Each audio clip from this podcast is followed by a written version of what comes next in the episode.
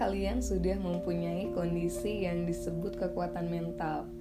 Satu, biasanya orang-orang yang kuat secara mental, mereka akan selalu optimis meskipun gagal. Yang kedua, mereka punya kendali diri yang baik. Orang-orang yang punya kekuatan mental ataupun mental strength, biasanya mereka nggak akan bisa ngebiarin dirinya itu marah berlebihan, sedih berlebihan, jadi kontrol emosinya itu sangat baik. Yang ketiga, mereka yang punya kekuatan mental biasanya mereka akan berpikir terbuka. Jadi mereka akan menerima masukan dari orang lain dan cepat-cepat bangkit dari keterpurukan. Poin kelima, mereka itu cepat recovery. Kalau gagal, ditolak, mereka nggak nyesal kalau ditolak.